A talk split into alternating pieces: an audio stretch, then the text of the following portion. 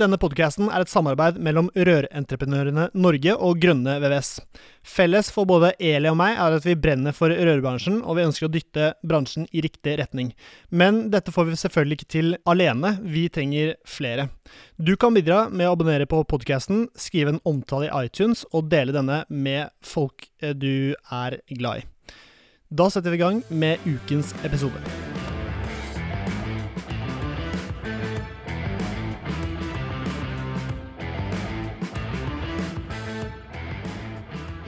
Hei, hei, og hjertelig velkommen til en ny episode av Barør med Eli Hermene Heidal, Eide fra Rør-Norge og Severin Poppmitte fra Grønne VVS. Og Eli, da kan du starte Du kan fortsette der du slapp, fordi ah, ja. vi har jo fått uh, ikke gjesten inn i podrommet, men eh, Inn i øret. inn i øret i hvert fall. Mm. Og det er det som teller på en podcast. Ja. Uh, så vi sitter jo med en eh, skjerm foran oss, vi har gjesten her, mens du er det eneste på, på huset. Eh, oss og et eh, forsvunnet påskeegg. ja, guri, det er litt krise. Ja, for eh, rett før vi startet å spille inn, så løp Eli febrilsk rundt i kontorlandskapet her og lette etter et forsvunnet påskeegg. Ja. Og teorien er jo nå at noen har stjålet det påskeegget. Nei, jeg tror Ingebjørg har gjemt det. Hun har gjemt det. Ja, jeg har en mistanke om det, for hun veit at jeg er litt ute og sykler på sånn smågodt og sånn. Ja. Og jeg skal inn i en kjole til vi skal på generalforsamling hun, i Bodø til eh, sommeren. hun tar ansvar. Så hun har tatt ansvar og Ja. fjerna dette helvetes snopet som jeg er Men litt jeg avhengig av. Men jeg kan fjerne det permanent. Altså bare sette det foran meg her. Ja, så Det var det som var planen min, at hvis jeg bare har det egget her når du er her, så blir det litt mindre snop på meg når jeg kommer på jobb i morgen. Ja, det tror jeg ikke er noe problem. Eh, Så jeg har sendt Severin melding til Ingebjørg for å høre hvor dette hersens egget er. ja, nå er det flere som står og Ja, så nå leter vi. her. Ja. Nå let, ja, Så det er årets påskenøtter, for dette her er jo en episode som kommer faktisk i disse tre inneklemte påskedagene. ja. Og da er det veldig aktuelt å snakke om påskeegg. Eh, For hvis du ikke har fått påskeegg, så er det på tide å skaffe seg det før onsdag, for det er liksom påskeegget skal egentlig fortæres fra og med da. ja, vi har jo et slags um, uh, podkast-påskeegg her også, som vi har klekket. Og inni egget vårt så Mhm. er det jo bare gode, søte gjester. Ja. Eh, og da kan du fortelle, fortsette å fortelle historien Ja. på hvordan du fant dagens gjest. Dagens gjest han fant jeg eh, en gang for et par år siden, tror jeg, når jeg var i Bodø. Og hadde litt god tid. altså Alle vet jo sikkert nå at jeg driver og frekventerer til verdens flotteste sted, en øya Røst ute i Lofoten. Litt god tid en dag, så tenkte jeg ok, jeg kan gjøre noe, noe fornuftig når jeg er her. Nilsson i Bodø, det er en bedrift jeg har hørt så mye bra om, men jeg hadde også hørt at de hadde nettopp fått ny leder. Så jeg, uten noe avtale i det hele tatt, jeg bare poppa opp hos Nilsson, kanskje litt dårlig gjort, og spurte du, jeg har hørt dere har fått en ny leder, han Andreas Lillejord. Ja, han er her. Og stakkars Andreas, han følte sikkert bare at denne gærne dama måtte han slippe inn, men det gjorde han da, og det var en veldig hyggelig samtale. Uh, vi har snakka sammen flere ganger etter det, men jeg tenkte at han er en fyr som har så spennende bakgrunn at du, Mm. Severin, og helt sikkert veldig mange andre, har glede av å høre hans reise fra han begynte som rørlegger til der han er i dag. Mm. For han sitter jo nå i en sånn administrerende dirr-rolle med sin rørbakgrunn. Mm. Uh, og er en eh, knallbra fyr. Alt jeg har hørt om deg, Andreas, er bra. Så velkommen til oss, Andreas. Takk, takk. Kanskje du vil stille opp lyden bitte litt på den der Jeg kan det, PC-en der. Men ehm, ja, velkommen. Og ehm, Eli, hva, hva, hvordan var dette møtet med herr Lillejordet? Altså, det handla jo eh, ja, litt sånn om bransjeforening. For det, det vi erfarer, da Det var salg, 100% Ja, Nei, egentlig ikke. Det var mer omsorg. For det er nå Ja, engang er sånn at når du kommer inn i en, rolle, en ny rolle, han da som daglig leder eller direktør i en rørleggerbedrift som er medlem i Rør-Norge, så er da erfaringen det at veldig mange av de som kommer inn, kjenner jo ikke bestandig til historikken på alle mulige områder. Du kommer liksom litt ny inn. Eh, dette er en bedrift som er medlem i Rør-Norge. Og hvorfor skal du være medlem i Rør-Norge? Liksom? Det kan jo fort være noe du bare tenker på som en utgift, eller det kan være noe du tenker på på en annen måte, litt avhengig av hva du veit. Mm. Så det jeg tenkte var bare at jeg skulle lokke opp dørene i forhold til at han ikke skulle bli redd for å ta kontakt med oss som bransjeforening. Mm. Og det er ikke sikkert han visste at det var en del av Rørnår engang. Det, det vet jeg ikke, det husker jeg ikke åssen den samtalen foregikk. Men det var mer sånn Vi ser at de gangene bedrifter bytter daglig leder, så er økonomi selvfølgelig en av de tinga du ser på, for du vil jo gjerne gjøre en god jobb. Og er da et medlemskap i en bransje- og arbeidsgiverforening nødvendig, eller er det ikke? Så tenkte jeg at For at han skal ha et bedre grunnlag da, for å jobbe videre med de tankene, så må han også vite litt mer om Rør-Norge. Og hvis ikke vi forteller det, så får han jo alle greie på det. Så det var utgangspunktet mitt for at jeg plumpa ned hos deg, Andreas. Uh, og selvfølgelig for å bli kjent med deg, for jeg brenner jo også for å få flinke folk til å engasjere seg i bransjeforeningen. Så nå har vel ikke han blitt en sånn supersynlig person internt i bransjen ennå, men han må få litt tid på seg. Men han er, han er i ferd med å bli mørna. Men Andreas, hvordan, det er mange veier til å bli eh, admdir og eh, daglig leder osv. Og, og hvordan var din vei inn som, eh, som admdir? Nei, um, jeg kom tilbake til spørsmålet tilbake vi skal hoppe, da. Men uh, jeg begynte langt, langt. Som, uh, langt tilbake. Ja, OK. Uh, nei, jeg, jeg, begynte som rørlegger i Kålund i 2007, eller som lærling.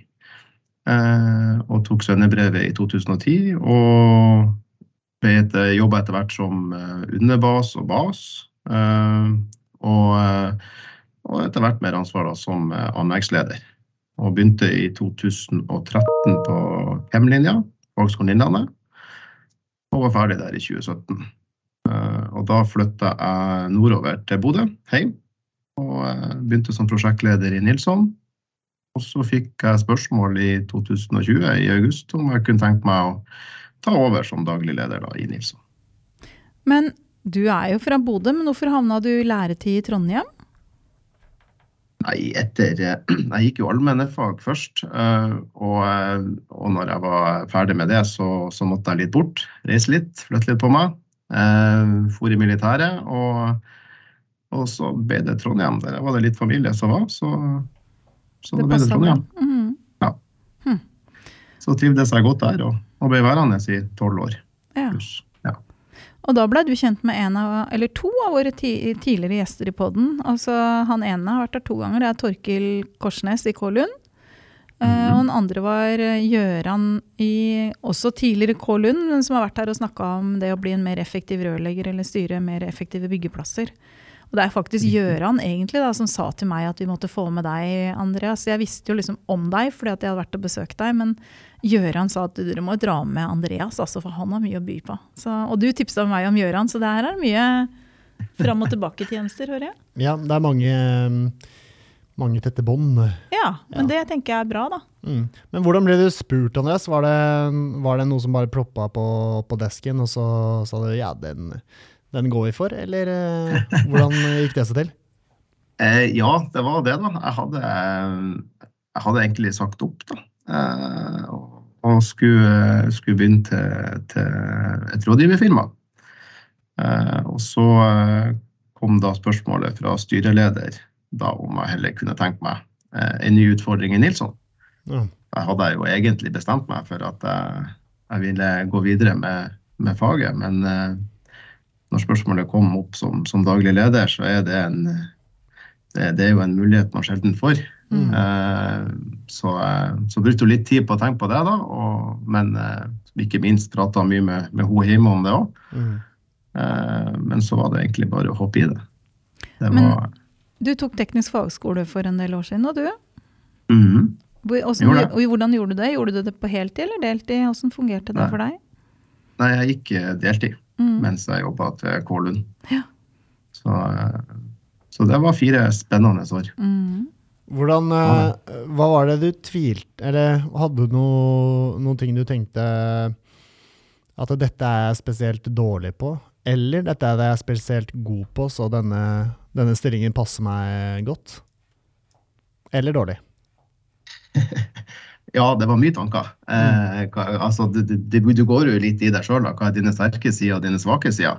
Eh, Nå har jeg alltid vært trigga av, eh, av ut, altså det, det, å utvikle meg sjøl og utfordre meg sjøl. Mm. Eh, liker å, eh, å, å, være litt hands on og, og kan eh, påvirke. da. Mm. Så, så, det var jo ting jeg så jeg kunne komme inn med som en, som en styrke. da. Mm. og så har man jo litt erfaring fra ledelse som prosjektleder, og, og tok det med meg da inn i, i denne rollen. Mm. Men det har vært en lang reise og, og mye utvikling på meg sjøl òg. Eh, lederutvikling eh, på meg sjøl òg, for, for, å kunne klare å gjøre den jobben her så godt som mulig. Mm. Hva er det som er mest moro med å være i den rollen du er i nå, som leder? Eh, det er jo altså det, det, å jobbe med folk og, og, det å se de ansatte og kollegaer utvikle seg og, og ta steg, det er utrolig morsomt. Mm. Eh, og så er det artig å, å, se litt lenger frem, litt strategisk, og hvilke områder man skal inn på. Ja. Men da sitter jo du sammen med et styre. Har du et aktivt styre? Hvor stor er Nilsson? Det har jeg jo ikke spurt om, tror jeg. Hvor mange nei, ansatte er Vi er 51 ansatte i dag. Mm. Uh, der vi har seks lærlinger. Uh, hadde åtte i starten av året. Mm. Og så noen hjelpearbeidere og ja, 32 rørleggere. Ja. ja. Hvordan, hvordan, var den første måneden? da? Var det, var det en clean overgang, eller var det litt uh, Eller det kan jo være en clean overgang, men mye jobbing uh, for at det skal være cleant. Men var det, var det hektisk? Var det, var det nervepirrende? Ja, mm. veldig. Ja. Eh, hvordan kom eh, kollegaene mine til å respondere på at jeg, jeg var daglig leder? Hvordan mm altså bare alle de, alle de, små tingene du aldri tenker over, blir gjort. Eh, og det, er, det, ansvaret kjenner man jo også på, det tar man jo veldig til seg òg.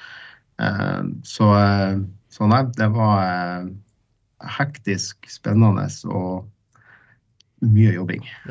Du har jo ikke fått grått hår siden jeg så deg sist, så det ser jo ut som det har gått ganske bra da, Andreas. Du har klart å Ja, du får se når du kommer oppover til Bodø i sommer. Det er, det en del på sidene her. Okay, kortklipt, altså.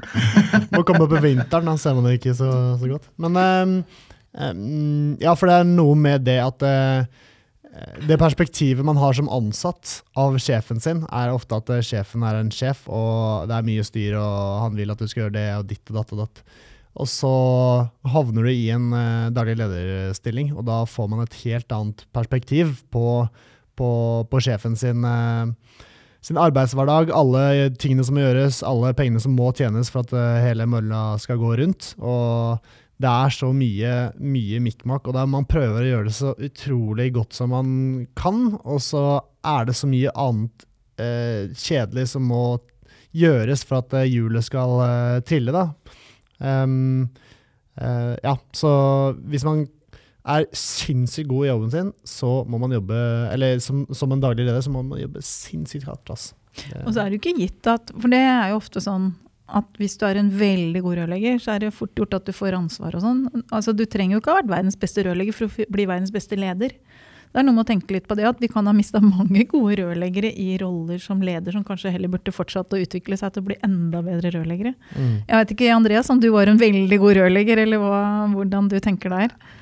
Nei, jeg var nok en helt, eh, helt medium god rørlegger. Ja. Eh, det var jeg nok, da. Men interessen var der, da. Og ønsket om å hele tida gjøre ting mer effektivt og, og, prøve å gjøre ting litt eh, ja, bedre. Smartere. Mm. Den, den, den har vært der. Mm. Men det er litt det du sa nå i forhold til det med, med sjef. Jeg, jeg, har eh, kanskje vært veldig heldig, men, men, jeg føler ikke at jeg har hatt så mange sjefer. Jeg har, veldig, jeg har flere gode ledere. Ja, der er vi. Eh, nå. det, det, har jeg hatt. Og, og, og, den, respekten for den jobben de har gjort som ledere, det, det er jo ting man tar med seg. Torkil i, i Kålund som et eksempel, og, og Kåre og, og Gjøran her i Bodø og, og, og Einar som, som, sitter på konsernnivå. Altså veldig mange gode ledere rundt meg som, som har mm. inspirert meg og, har nok vært med å forme godt hvordan jeg ser på den lederrollen. Mm. Men når du sier konsernnivå, er dere en del av et større konsern? Ja, vi er eid av Elektrokonsernet. Mm -hmm. Mm, så vi er én av eh, tre rørleggerbedrifter. Vi har Nilsson Mo og og eh, Nilsson Haras på Sortland. Mm. Eh, og så er vi vel en uh, hva vi er, 14 forskjellige selskaper rundt i Norge. da. Ja. Fra Trondheim i sør og til Sortland i nord. Ja. Hovedsakelig el, da. Mm. ja, og ventilasjon. Mm. Hvilke kvaliteter tror du daværende ledersjef så i deg som, um, som en leder? Og hvorfor tror du han ga deg den muligheten, utenom at du fabla med at du skulle slutte i bedriften? Eh, det var et godt spørsmål, så jeg skulle nesten ha snakka med han. Men uh, jeg, jeg, vil jo tro at uh, uh, Kanskje litt på sånn måte som jeg ser det, det hvem er du som person? Hvordan er du, og hvordan, og hvordan jobber man med de rundt seg? jeg vil jo tro det har vært en del av, av, av grunnlaget de har vurdert det på. da. Mm. og at ja, man hadde det bra i, i bedriften. Og så fikk du jo vist Hvor lenge var du prosjektleder i Nilsson før du blei tilbudt den rollen her? Tre år. Ja, Så hadde liksom, de hadde blitt godt kjent med deg og visste hvem du var? Ja, og syntes det var for gærent å miste deg. Så det var jo noe med å finne Og det gjelder jo om du har en rørlegger som tenker å slutte, eller eh, hvordan kan du gi utfordringer som gjør at folk får lyst til å fortsette? Enten om det er på samme nivå, eller om det utvikler det den nivået de er på, eller Det er jo liksom Ja, nå fikk jo du en utfordring du ikke kunne si nei til som du syns var spennende. Og når du er kjent med folk og tenker sånn som du, Severin, hvis du har noen du tenker at han eller hun vil jeg gjerne beholde, så er det noe med å liksom vri hjernen til å finne de åpningene da, for å beholde de folka. Det er jo en del av rekrutteringa til bransjen, det òg, å klare å beholde flinke folk. Men er det, er det, en del av bekymringen din i hverdagen, Andreas? Det der med å, altså Dere har jo 51 ansatte, som du sa. Ja. Dere lager jo nye rørleggere. Det er en stor lærebedrift i Bodø-sammenheng. Mm. Er, det å, er det en del av lederjobben din, tenker du, eller har du mange rundt deg som hjelper deg med den der ivaretakelsen og beholde folk? Eh, ja, jeg tror jo det Ja, vi er flere som jobber med det. Mm. Og uh, en del av det å beholde Altså, jeg vet jo at vi er Vi er en stor bedrift, og det er egentlig litt forventa, for vi har så mange de gode håndverkere og prosjektledere at, at, ikke, at ikke konkurrenter syns de er attraktive, det, det blir naivt eh, å tro.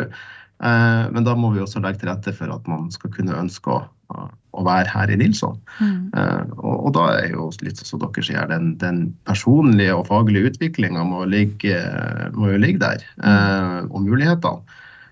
Vi har jo et akademi gjennom konsernet der vi, vi, driver aktiv lederutdanning på prosjektledere og på baser. Vi kjører kurs til rørleggere og har medarbeidersamtaler og hører på ønskene deres og hva de ønsker å ja, ta utdanning eller kurs i. Og så stemmer det overens med det bedriften har som planer. Så, så er jo det perfekt. Mm. Mm Hvordan tror du små firmaer sånn som uh, mitt kan uh, ansette folk og holde dem uh, i klubben, håper jeg. Um, selv om det ikke kan tilby like mye utvikling. Jeg ser på meg selv som en um, Jeg vet ikke. Um, en som klarer å holde på folk. Og i, altså, vi kan ta talks på en måte på starten av en arbeidsdag som ikke skal være inspirerende, men der vi forklarer hvordan arbeidsdagene ser ut, og liksom hvordan vi kan utvikle oss gjennom neste året og halvåret, og ja, prøve å vise mulighetene på den måten her, da, men vi får nok ikke kjørt folk på så mye kursing som kanskje dere kan tilby på, på uh, ja, for dere ans deres ansatte. Men ser du noe jeg kan tilby de ansatte som ville vært noe av det samme som dere tilbyr? Ja, ja. Altså, de må jo se at de kan ha muligheten til å utvikle seg. Bare det at du er obs på det, det er, noe, det er jo ett steg på veien. Eh, det eh, men, men, det har mye med kultur å gjøre. Mm. Eh, og, det å skape en, en, atmosfære og en arbeidsplass der man har lyst til å, eh, å bidra, man har lyst til å legge det lille ekstra, man har lyst til, til å være med på den reisen i det selskapet. Eh, det, det, det, å skape en sånn kultur, det tror jeg nok veldig mange kunne synes er interessant. Det å drive trygt, da. det å drive fornuftig, eh, være en trygg arbeidsgiver, det, det, tror jeg er Det tror jeg folk setter veldig høyt. Mm. Hva tenker du, Eli? Eh, jeg, tenker, jeg ser ikke helt hvorfor det skal være noe vanskeligere for en liten bedrift enn en stor. Altså Inntjeninga per ansatt er sannsynligvis ikke noe lavere i en liten bedrift enn en stor. Så det er liksom hva man, Jeg tror det handler litt om hva man prioriterer å bruke penger på og tid på. Mm. Men jeg tenker sånn som du jobber, Severin, jeg opplever jo at du er flink til å involvere de ansatte. Og er flink til å synliggjøre dem. At det er med å skape mye stolthet. Jeg har jo snakka litt med disse gutta dine innimellom, jeg. Eh, jeg tror det er en god vei, da. Altså det å inkludere og ikke være sånn veldig eh, Hva skal jeg si? Altså det å klare å være nær de ansatte i hverdagen. Jeg følger jo veldig mange rørleggerbedrifter digitalt, altså for å se hva som skjer i bransjen. Og jeg ser at veldig mange er flinke til å gjøre ting som gjør det gøy å jobbe et sted, eller at det er sosialt, eller at du får At du knytter liksom bånd, da. Og jeg mm. tror kanskje det er helt avgjørende for å klare å beholde folk. At du Ja, altså du trenger ikke å liksom elske dem du jobber sammen med, men du må ha lyst til å være sammen med folk, og du er Mm. nødt til å uh, Det må gi deg noe mening og mestring og glede, da. Jeg tror Mm. det er helt avgjørende. Ja. Ja, du, må, du, må se og, du må se og respektere Ja. eh, dine kollegaer. Eh, og det å være åpent og, og transparent er også veldig positivt. Eh, det, det er det ikke tvil om. Mm. Og så er det jo noen som sånn som jeg traff en bedrift som sa liksom at det, de hadde lagt merke til en annen bedrift i nærheten av den var, da, som var så flinke på sosiale medier.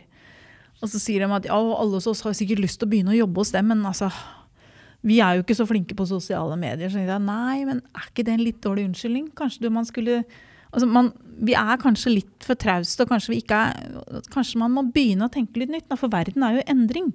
Mm. Og da tror jeg at måten du drev rørleggerbedrift på for 10 år siden og 20 år siden, er kanskje litt annerledes enn i dag. Det kreves noe helt annet å engasjere unge mennesker i dag. Både i forhold til hvordan du snakker med folk, og at de klarer å få se hele bildet. da. For vi, altså, Jeg må innrømme at jeg treffer mye unge mennesker som jeg er liksom sånn overraska over. Lite nyheter. og liksom Verden utafor Mm. er kanskje ikke så viktig. da.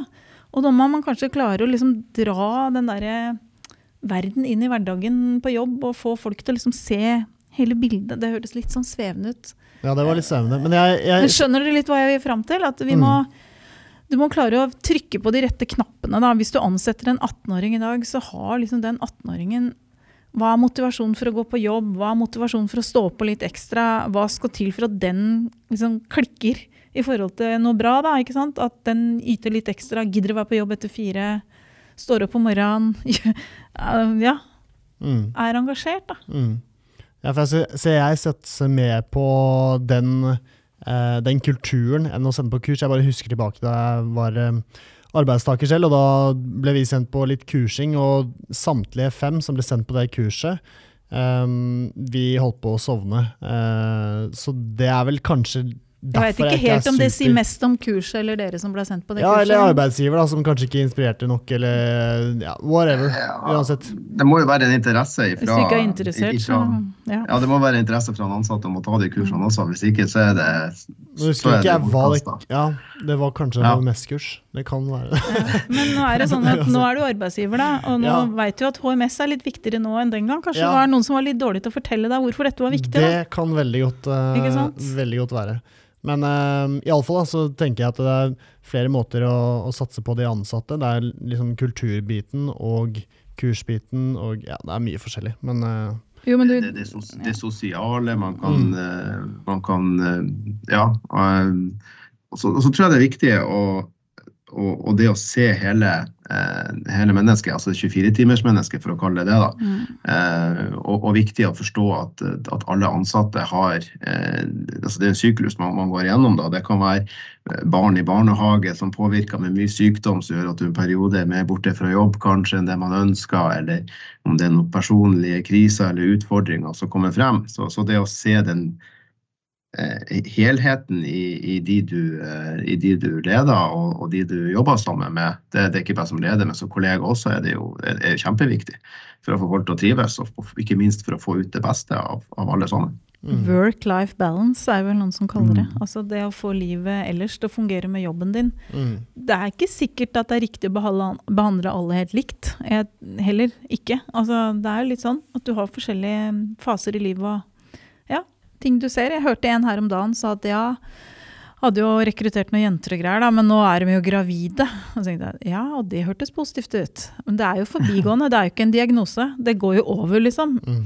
Ja ja, liksom. Men altså, det er noe med innstilling her som Ja, kanskje hvor må lenge skal de være Det er jo i løpet de er også, da. Men det er jo, de er jo eh, Man skal jo ha Man tenker jo Jeg i hvert fall tenker nå 25-30 år frem i tid, og ikke Mm. år. Og da er den graviditeten ja, ganske forbigående. Det er en liten dråpe i Ja. havet. Ja. Så Men hva er planene fremover? Er det noen, eh, noen ting du tenker på er superviktig som daglig leder i day to day life? Ja, vær, vær til stede og, Mm. og prate med de rundt deg. Det, det er vel det Pass på at alle har det, har det de trenger for å gjøre jobben sin. Mm. Det er jo det som er kanskje min viktigste rolle nå. Mm. Eh, og eh, ja.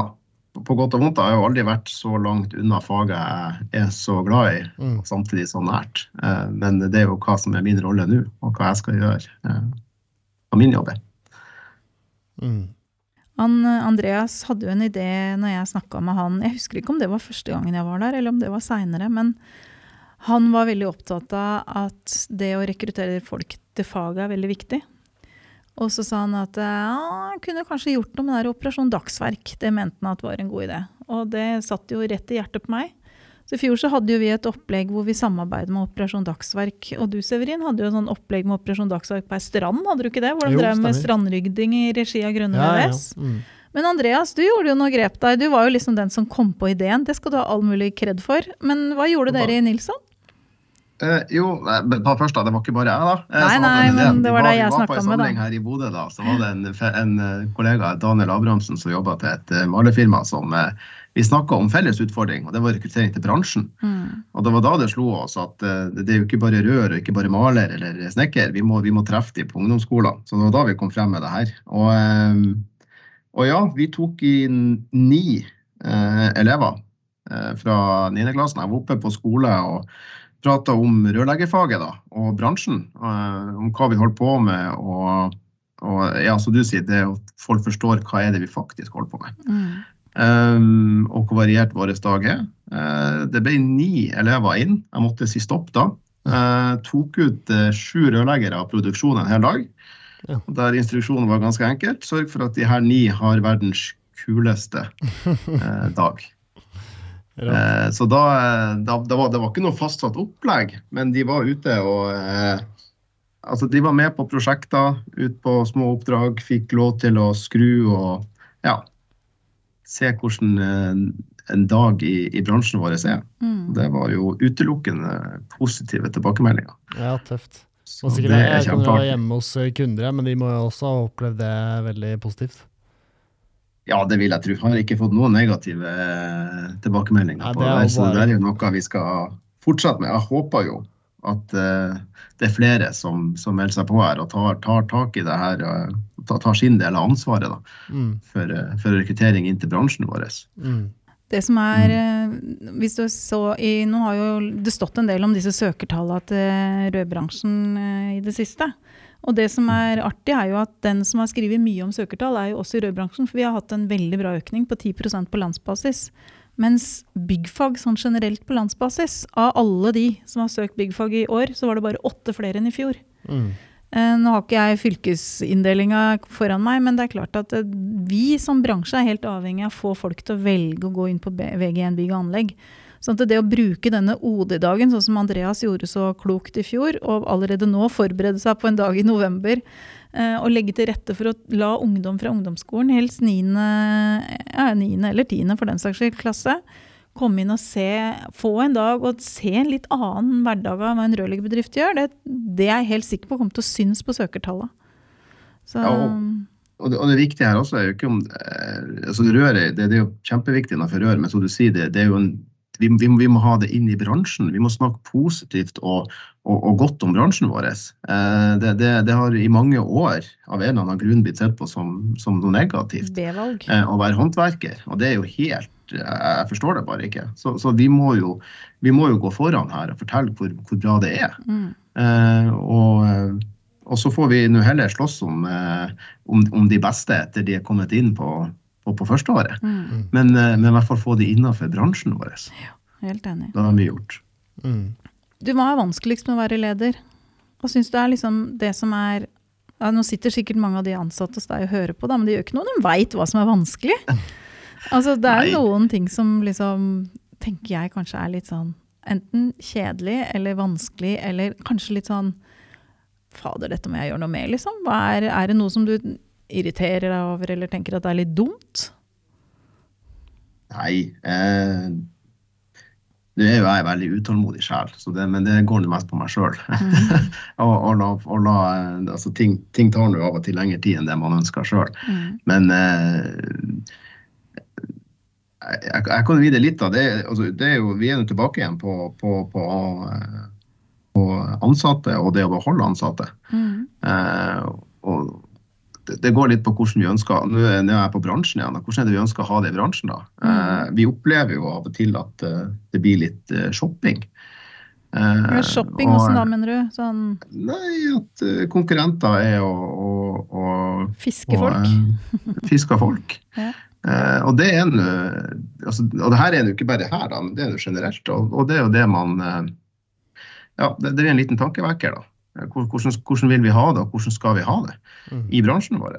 Én uh, ting er jo om en, om en ansatt tar et aktivt valg og, og, søker seg til et annet firma, eller tar direkte kontakt med, med en arbeidsgiver og ønsker der. Det, det er nå én ting, det er jo ikke noe man kan noe jeg kan gjøre noe med. Men men hvis vi holder på å henvende oss til eh, hverandre sine ansatte eh, og, og, begynner å tilby lønninger høyere for å shoppe folk, eh, er det sånn vi vil ha det? Vi, spiser oss sjøl opp. Da er det jo faktisk sånn at Vi har noe som heter etiske retningslinjer for alle som er medlemmer i Rør-Norge. Har du hørt om dem, Andreas? Ja. ja for det er litt sånn det, Har du sett dem? Nei. Nei. Det er lagd eh, noe som heter etiske retningslinjer for medlemsbedrifter i Rør-Norge, som forplikter seg ved innmelding til å følge disse retningslinjene. Og der står det veldig mye rart. Det står f.eks. om at du skal omtale sine kollegaer på en respektfull og saklig måte. Det betyr rett og slett bare å oppføre deg ordentlig i forhold til kollegaer i bransjen. Eh, at du skal ikke skade andre. Det står at medlemmer skal gjøre sitt beste for å styrke den organiserte delen av rødbransjens omdømme gjennom sin opptreden skal synliggjøre kompetanse, seriøs og troverdighet. Og dette kan høres sånn veldig gammeldags ut, men dette er rett og slett bare helt enkle kjøreregler. Det står om miljø og planer og tegninger. At hvis du har altså andres eiendomsrett, planer og tegninger og ideer skal respekteres. Under opptreden i markedet så står det at uh, medlemmenes opptreden i markedet skal være basert på god forretningsskikk. Det er jo sånn standardord for sikkert sånne advokater og sånn, men det handler jo også der om å oppføre seg ordentlig, ikke sant. Fastsatte forutsetninger for konkurranse skal respekteres, gjeldende konkurranselovning skal følges. Ikke tillate å inngå avtaler om markedsdeling, prissamarbeid eller annen ulovlig form for altså Dette er sånn egentlig selvfølgeligheter, men det skal stå et sted, da. Men når det gjelder det du snakker om, da, eh, rekruttering altså av ansatte, så står det at et medlems rekruttering av arbeidstakere skal foregå slik at man ikke på utilbørlig måte får ansatte hos andre medlemmer til å akseptere stilling i eget foretak. Altså det betyr ikke driv med ja, Et ord jeg har hørt på det, er kannibalisme. Veit du hva kannibalisme er, Severin? Jeg vet hva det er, men jeg tror ikke det er det du skal eh, frem til. Nei, men det du egentlig gjør, da, tenker jeg, hvis du driver og eh, ja, tenker at eh, shit, han der der, eh, bedriften der har mange flinke rørleggere, vi prøver å få dem til å begynne hos oss. Det er, jo, er, det, jo, det er ikke uvanlig, det. Mm. At man tenker sånn. Vi hadde diskutert det en gang før. Mm. Var det i en podkast, eller var det etterpå? Det husker jeg ikke, men jeg tenker mye på det. Ja, for det er noe med i det øyeblikk man eh, begynner med det, da, så gnager man jo bare Vi har bare så mange rørleggere i den bransjen her. Og hvis vi begynner der, så som arbeidsgiver, da, så, så vil jo en sånn måte oppførsel overfor en konkurrent eh, medføre at du gnager egentlig på deg sjøl. For hvis den du lokker til deg i forhold til lønn, er eh, like lett å nappe ut av en bedrift, så går den like lett ut av din bedrift. Altså, det er liksom litt ond sirkel å komme inn i, da. Mm. Mm. Jeg veit ikke hva kan man gjøre for å unngå sånt? da? Altså en ting er at man kanskje må være ryddig i forhold til annonsering og synliggjøring, at man uh, er ute etter flere folk, selvfølgelig. Men har du, har du, noen tanker om Hva gjør dere i Nilsson hvis dere trenger flere folk? Ringer dere rundt til konkurrentene oppe i nord og sier at uh, nå begynner dere hos oss, du får ti kroner mer i timen? Nei, jeg, jeg vi legger ut stillingsannonser, og så håper vi at noen søker. og det, det, viktigste for meg, i hvert fall, jeg, det, det, er jo at folk ønsker å komme og jobbe i lag med oss. Mm. Uh, og at det er, skal være noe mer bak enn en, en, en bare lønna. Ja. Uh, lønna er viktig, det er det vi lever av. Det, det, er ikke det jeg sier. Men, men det er også altså, Hvorfor ønsker du å komme til Nilsson og jobbe? Uh, du, du, må jo ønske å være med på den reisen vi er, og den, den måten vi tenker på og gjør ting på.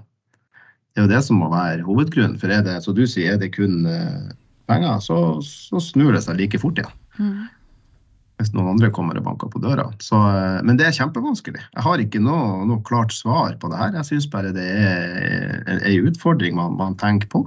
Mm. Uh, og så er det jo ikke ulovlig heller, så det, det er nå det det er. Men, uh, men, her må vi nå tenke helhetlig og som en bransje, tenker jeg. Mm. mm. Er det noe annet i rørleggerfaget du tenker på?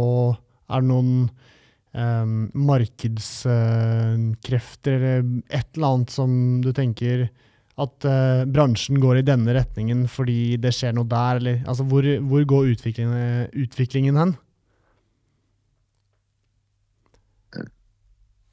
Hvor ser du bransjen om ti år, f.eks.? Hva har skjedd da? Godt spørsmål. Uh, vi er nok mye mer uh, Ja, fryktelig godt spørsmål. Hvor er vi om ti år? Jeg, jeg tenker med digitalisering. og altså Det er så mye, mye HMS-krav, så jeg tenker mye, mye er godt uh, digitalt. sånn at de Eh, kravene som stilles, oppfylles bare enda fortere, og at uh, rørlegger går oftere rundt med en, en pod eller en uh, iPhone eller whatever og tar bilder. og Alt det der går mye fortere. Um, ja, og du slipper ikke unna Vi jobber jo allerede ganske sånn, da. Ja, mm. det er litt artig at du sier sånn. ja, Vi jobber jo allerede ganske mye sånn. da. Vi ja. bruker jo mye Dalux og 3D-modeller mm. for å gjøre arbeidshverdagen mer effektiv, og det kommer jo mye mer, det òg. Uten ja. tvil. Ja, tida går fort, da. Så jeg tenker det er sikkert bare det der, bare på anabole steroider. Uh, forhåpentligvis går litt uh, ting går litt fortere. Ja, så tror jeg de som ikke er der og tenker at det trenger ikke jeg, de er kanskje ikke der om ti år heller. Mm. Det er fælt å si det, men jeg tror kanskje det er, det er, litt lurt å hoppe på det toget mens det begynner å rusle, i hvert fall. Mm. Ja. Absolutt. Ja, nei, Det er noe man kan tenke lenge på. Kan, er du god på HMS og dokumentasjon? Du, er det noe du tenker at det er ingen som dreper meg hvis jeg ikke gjør? nei, jeg syns det er kjempe Jeg vet ikke om jeg syns det er så Ikke så gøy? Jo, nei, jo, det er motsatte. Jeg syns ikke altså, det er selvfølgelig viktig, men jeg føler det er liksom noe Det er som den etiske kjøreboken eh, deres. Det er litt sånn der basic, ting som bare skal på plass, og sånn mm. skal det være. Mm. Uh, og så legger jeg ikke så mye uh, ja, mer tanker rundt det enn akkurat det, men jeg syns det er jækla mye kulere å levere noe der hvor alt er dokumentert. Yeah. FTV-er som ser helt plettfrie ut, og bare alt å være smikksmakk, og sette opp systemer som det, det syns jeg er en del av en gøy arbeidshverdag. Mm. Uh, så jeg ser ikke på det som noe liksom, ekstra Jeg tror vi er gode, gode der, da. Men nå er du kontormann på heltid, du Andreas. Er du sånn at du er mye ute på anlegg og jobber og sånn, og får, får du med deg litt av det, eller er det liksom ikke tid til det i hverdagen din lenger? Nei, jeg, jeg er ute på byggeplassene av og til. Mm. Eh, og, og, og, kjenner at man savner det òg, å være til stede der, der, vi er og der vi produserer. Men, eh, men det blir altfor lite av det. det, mm. det men, men, det er nå en del av det. Mm. Så, eh, men, men, ja, som jeg sa, vi, jeg har jeg har aldri vært så langt unna mitt eget fag. Selv om du er nær? Du får ja, være med på OD-dagen neste gang. som elev. Ja, jeg, jeg snakka med en av basene mine her i, i, i, i forrige uke, og da, da, sa jeg at kanskje jeg må ta ei sånn arbeidsuke oppe på ene prosjektet vårt, sånn, se om jeg enda husker hvordan vi du, Det tror jeg faktisk hadde fått skikkelig mye ut av, oss, for å være helt uh, ærlig. Jeg tror det, noe, det kunne sikkert vært en god reminder på noen ting som er viktig å huske på. Ja, og så tenker jeg hvis de hadde vært ansatt i Nilsson, og så skulle jeg plutselig altså Nå er det sikkert ikke sånn veldig stor avstand mellom deg og en som er lærling, men allikevel. Det der å på en måte i forrige uke så jobba jeg sammen med sjefen. Liksom. Det kan hende det er liksom med på Apropos det vi snakka om, da, å styrke laget og kultur. og ja. Ikke bare snakke om å være det gode forbildet, men faktisk ja. også vise det i praksis. Liksom. da må du øve en uke i forveien, sånn at du, har, sånn du ikke går fullstendig på panna. og Du må klare å skru etter rørene, altså. Det tror jeg han klarer. Ja, det, det, det, skal nok gå fint, ja. Men, eh, men det hadde jo eh, det, det, hadde vært veldig artig om, uh, om, de også kunne lært meg mye, og det er det uten tvil. Å se hvordan, uh, hvordan, man produserer i dag kontra når man sjøl skrur det, det er nok uh, stor forskjell. Mm. Så, så, den utfordringa, den, den, den må jeg nok ta. Men du har jo tatt ja, ja. dette ganske gradvis, da. Fra å være hva du kalte det, ikke bas, men han før bas, hva var det? Sånn uh, Ja, under, under underbas. Var... da var jo du på en måte, du var ute og skrudde, og det gjorde jo basen òg, men du fikk litt, du måtte bistå litt, liksom, med litt mer administrativt. Mm. Og så blei du bas, og da blei det enda mer. Da blir du liksom prosjektlederens høyre hånd. Mm. Og så ble du Du har liksom gått alle skritta, du, tenker jeg. Det har jo kanskje ikke vært så dumt, for du har jo liksom klart å få det sakte, men sikkert. da. Du har vel ikke gjort alle tabbene, kanskje, da, når du har fått noen som har vist deg veien? Ja, jo da, det har nok vært en del Det har gjort alle tabbene òg, ja. ja. en del tabber også, det har det vært uten tvil. Men, men nei, jeg har vært heldig. Jeg har jo hatt, eh, har jo hatt gode folk rundt meg hele tida. Prosjektledere og baser og kollegaer som har, som har støtta og, og, eh, og hjulpet meg. Så, så har jeg vært heldig der og jeg er veldig takknemlig for at jeg har fått gått det, de stegene jeg har fått. Eh, og tatt med meg mye derfra. Mm. Uten tvil. Så fra Eh, li, litt papirjobb til, ja, til bare kontor, så har det liksom gått noen år, da. Men der ble du kasta litt inn i det, Severin. Du er jo fortsatt ute og skru, men du blir jo noen timer på kontor i løpet av uka, gjør det Ja, det? er det? gærent. Det er uh, timer overalt. Det er veldig 50-50.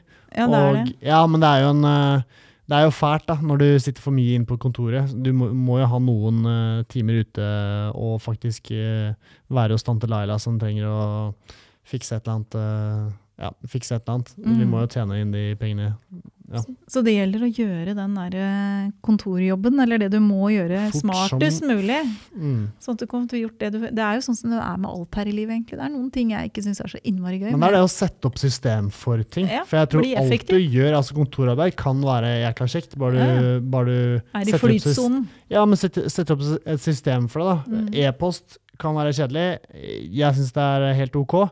Men hvis du lager et godt system eh, for det, kanskje kjøper deg en litt større skjerm eller et eller annet sånt, sånn at det, litt godt tastatur eller whatever, det er småting, da. Men, eh, men vær litt smart der, da, fordi du skal sitte jæklig lenge foran den skjermen. Så kanskje det er eh, en god investering.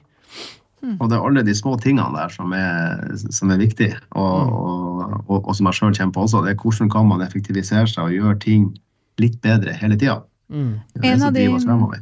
En av de tinga jeg vet du har gjort i forhold til effektivisering hos Nilsson, er vel at du har eh, innført akkordjobbing i Bodø for første gang, holdt jeg på å si? Ja, Det er vel ikke så mange eh, andre som jobber har med det der Vi har nå? Jobbet, ja, det jobba akkord eh, eh, tidligere òg, men, Ja, men det er noen vært, år siden.